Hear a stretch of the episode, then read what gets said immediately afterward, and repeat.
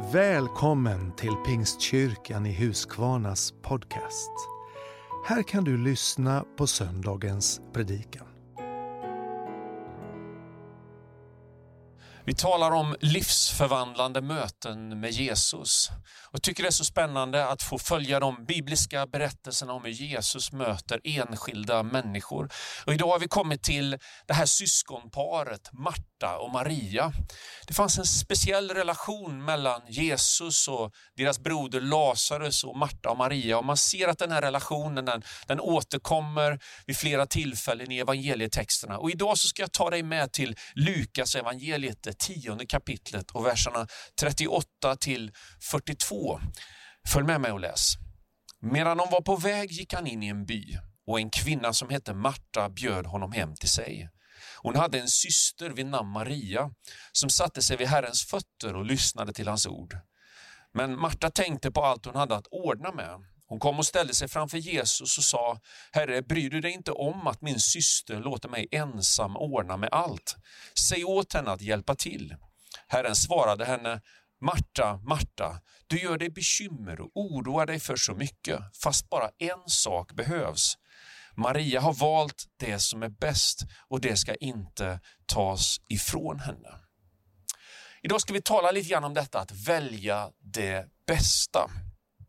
Och Min första punkt som jag vill skicka med dig, det är det som Marta gör när hon bjuder in Jesus till sitt hem. Att bjuda in Jesus i sitt liv, att säga sitt ja till honom, att, att eh, inbjuda honom i mitt hjärta och, och komma in i hans närhet är det viktigaste beslut som du kan ta i ditt liv.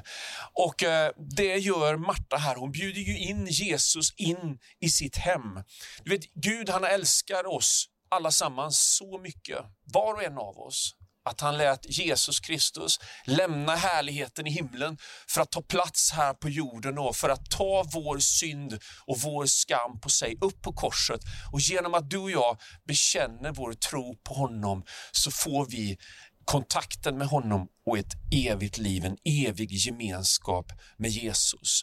Så jag vill börja med att säga det, det viktigaste du kan göra den här sommaren, det är faktiskt så, fundera över, vem är Jesus? Vad vill han med mitt liv?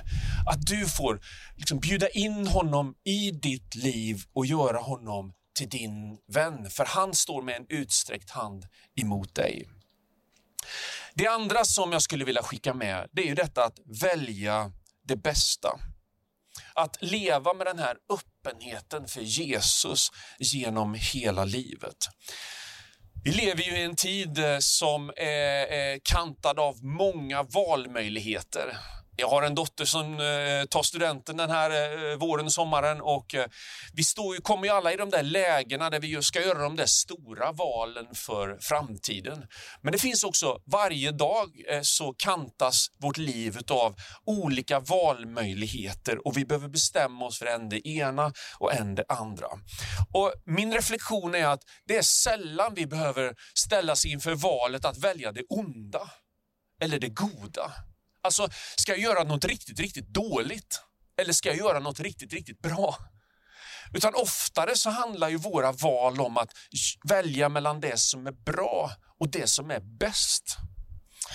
Och Jesus säger ju detta till Maria. Maria hon har valt det som är bäst och det ska inte tas ifrån henne. Maria hon valde ju i stunden då Jesus fanns där i deras hem att ta vara på Jesu närvaro. Att sätta sig vid hans fötter, att lyssna till hans röst, att liksom placera sig i hans närhet. Hon grep det där tillfället. Och det var inte enda tillfället som Jesus kom till det här hemmet, utan det var ganska vanligt att Jesus stannade till där i Betania på sin väg till Jerusalem och han umgicks med Marta och Maria. Marta hade faktiskt samma möjlighet att välja. Hon befann sig i samma rum, hon hade samma tillgänglighet till, till Jesus, men hon höll på att missa hela poängen med att det var faktiskt var hon som hade bjudit in Jesus in i sitt hem. Hon hade fullt upp med att ordna saker och ting för Jesus hon ville att det skulle bli bra för honom. Hon ville kanske ställa till med fest. Hon ville fixa och dona inför den middag som skulle komma. Och i hennes värld så var det viktigast att få alla de här sakerna på plats. Att hon höll på att gå förbi den möjligheten att investera i sitt liv i den här relationen till Jesus Kristus.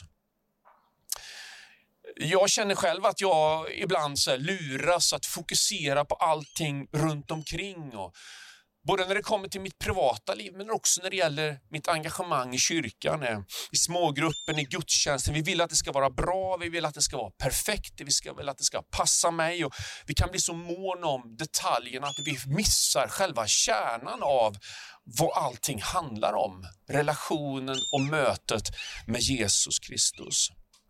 Du vet, våra mänskliga insatser, de blir aldrig fullkomliga. Det finns alltid brister. Men trots det så bekänner Jesus sig till oss och till vår gemenskap, till våra liv och han finns här nära mig och nära dig och oss tillsammans. Men vad gör du och jag med det? Tar vi vara på det? Eller är vi som Marta fullt upptagna med att ordna och fixa så att vi glömmer att Jesus faktiskt är närvarande? Du vet, det är inte så att det finns liksom saker och ting som måste läggas till rätta för att Jesus ska liksom få den där möjligheten med dig och mig, utan Bibeln berättar för oss att den heliga Ande bor i våra liv. Att Jesus hela tiden är nära oss. Så det finns alltid en möjlighet att ta vara på den gemenskapen som Jesus vill ge oss. Jag har en berättelse, jag har berättat den i flera olika sammanhang, du kanske har hört den förut. Men det är en, eh, två kompisar till mig, Henrik och Josefina, som kom på en gudstjänst när jag jobbade i en annan kyrka för ett antal år sedan. De hade ingen direkt kyrklig koppling och de hade eh, liksom hört om evangeliet och träffat kristna. Och nu genom hennes skolarbete så skulle de besöka en kyrka för att liksom, ja, ställa några frågor och fundera lite på det. Då gick de, eh, hela deras familj till våran kyrka. Och för mig och för oss som medverkade där och var vana att gå i kyrkan så var det vilken gudstjänst som helst. Men för Henrik och Josefina så blev det här tillfället ett, ett livsavgörande möte och ett livsförvandlande möte med Jesus. När de kommer in och ser hur vi andra lyfter våra händer och vi sjunger i lovsången och vi har en sån här ja, vanlig härlig gudstjänst som jag har gått på hundratals sådana gudstjänster. Men i det det tillfället, i det mötet, så kommer Gud nära Henrik och Josefina och de, de kan liksom inte motstå den här tillbedjan och lovsången. De möter Gud och de kommer på varje gudstjänst under flera månader framöver och, och ytterligare några månader senare så får vi möjlighet att döpa dem bägge två i en gudstjänst och de tar emot Jesus i sina liv. Du vet, många av oss som var på den gudstjänsten tänker att det här är en gudstjänst bland alla andra. Men för Henrik och Josefina så vart det här tillfället ett livsförvandlande möte med Jesus. Och Det var inte så att Jesus var närmare dem än mig, men de tog vara på tillfället, de öppnade sina hjärtan. Jag skulle bara vilja utmana dig och uppmuntra dig att öppna ditt hjärta för Jesus där du befinner dig just nu.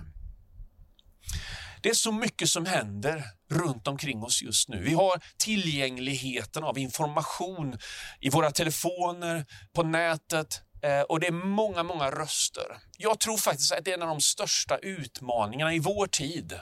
Det är att ibland lägga undan alla andra intryck och ta vara på tillfället att faktiskt lyssna, öppna våra hjärtan till Gud och stänga av de andra intrycken, skapa ett rum att söka den här stillheten. Saltaren 46 och vers 11 säger, bli stilla och besinna att jag är Gud. Alltså, lugna ner dig lite grann och besinna, förstå att Gud är nära. Vi behöver skapa det här rummet för stillhet. Och kanske är det så att en utmaning som du kan ta med dig från den här enkla predikan idag, det är att faktiskt stänga av din telefon eller lägga den i ett annat rum. Gå på en promenad utan att ha din telefon med dig. Om nu inte stegen räknas på din stegräknare just den här promenaden så, så kanske det är ett enkelt pris att betala för att få den där tillfället då inte andra saker pockar på och stör, utan att det blir du och det blir Gud, det blir ditt hjärta, det blir hans hjärta. Och i detta så finns det ett livsförvandlande möte som Gud vill ge dig. Välj den goda delen, samla dina skatter i himlen, där inte mal och mask förstör, säger Jesus.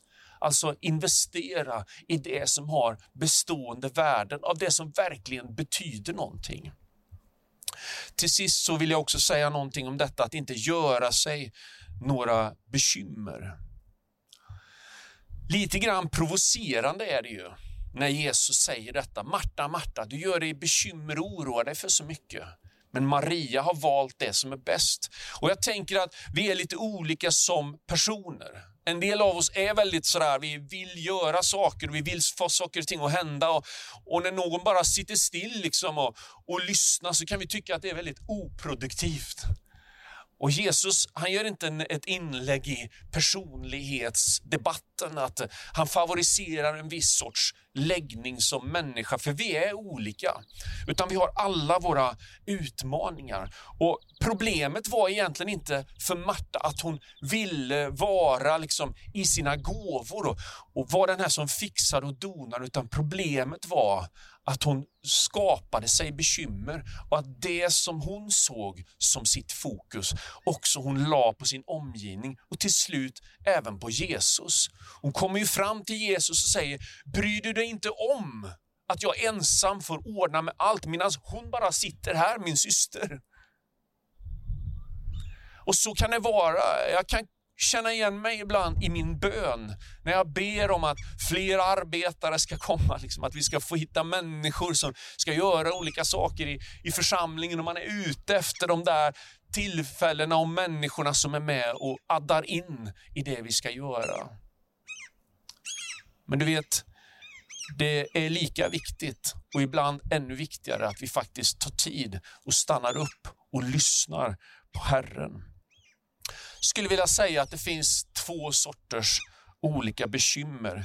Det är att man gör sig bekymmer. Det var någon som sa, eh, jag läste i en, i en undersökning att över 80 procent av allt vi bekymrar oss över kan vi inte själva påverka. Det är alltså en oro som vi inte själva kan styra över. Den drabbar oss och den kan vara verklig, men den, det betyder inte att vi kan göra någonting åt den. Och Det finns också en mängd saker som jag, när jag tänker på mitt eget liv, som, som jag gör mig bekymmer för. Det är också så att vår livsstil, den del av världen vi bor i också skapar oss faktiskt bekymmer. Vi har grejer som går sönder och vi har internetuppkopplingar som inte fungerar. Och det är liksom det ena med det andra och mycket av det är ju egentligen inte jätteviktiga bekymmer, men det blir ett bekymmer på grund av att vi har samlat så mycket saker i runt oss. Du vet, om du är en bland dem som tjänar över 20 000 kronor per månad, vilket väldigt många gör som har ett heltidsarbete i Sverige, då inkluderas du i de 2,5 procenten av världens befolkning som är allra rikast. 2,5 procent av världens befolkning tjänar över 20 000 i månaden. Alltså, det finns problem och så finns det problem. Vi är lyckligt lottade, många av oss. Vi har möjligheter, men också alla de möjligheterna vi har och som vi kan göra med det skapar oss också bekymmer. Sen finns det de där verkliga bekymren i livet.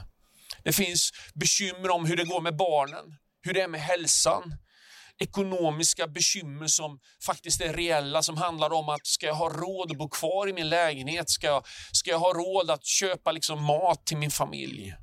Det kan finnas mängder av olika saker. Och jag skulle vilja till sist skicka med dig en vers ifrån, från Filipperbrevet kapitel 4 där Paulus skriver så här i den sjätte versen. Gör er inga bekymmer, utan när ni åkallar och ber, Tacka då Gud och låt honom få veta alla era önskningar. Då ska Guds frid, som är värd, mer värd än allt vi tänker, ge era hjärtan och era tankar skydd i Kristus Jesus. Oavsett om du har gjort dig bekymmer eller om du har ett verkligt bekymmer så får du komma med allting inför Gud och du får lägga det inför honom. Och Han vill möta dig och han vill röra vid dina behov. Så för att summera den här förkunnelsen. Utmaningen för dig och mig är sällan att välja mellan det onda och det goda, utan oftare att välja mellan det som är gott och det som är det bästa. Och Maria hon valde att sätta sitt öra till Jesu röst, att lyssna på honom, att sätta sig vid hans fötter. Så det skulle jag vilja skicka med dig idag. Och nu så skulle jag vilja be tillsammans med dig. Jag vet inte hur ditt förhållande till Jesus och till tron ser ut. Men om du sitter hemma nu och känner att jag vill verkligen bjuda in Jesus i mitt liv, så skulle jag vilja hjälpa dig i en bön. Och du som skulle vilja komma närmare Jesus, kanske få, få bara kraft att stänga av lite grann olika röster runt omkring dig. Du kan också vara med och be i den här bönen. Så lägger vi nu våra hjärtan och våra liv tillsammans inför Herren. Ska vi be tillsammans? Herre, så tackar vi dig för att du är nära oss. Tack för att du ser oss var och en, du känner våra hjärtan.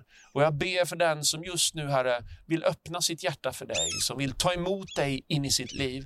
Jag ber dig Gud, Herre, att du ska sträcka ut din hand, Herre, att det ska få bli en kontakt. Jag tackar dig för din nåd och för din trofasthet.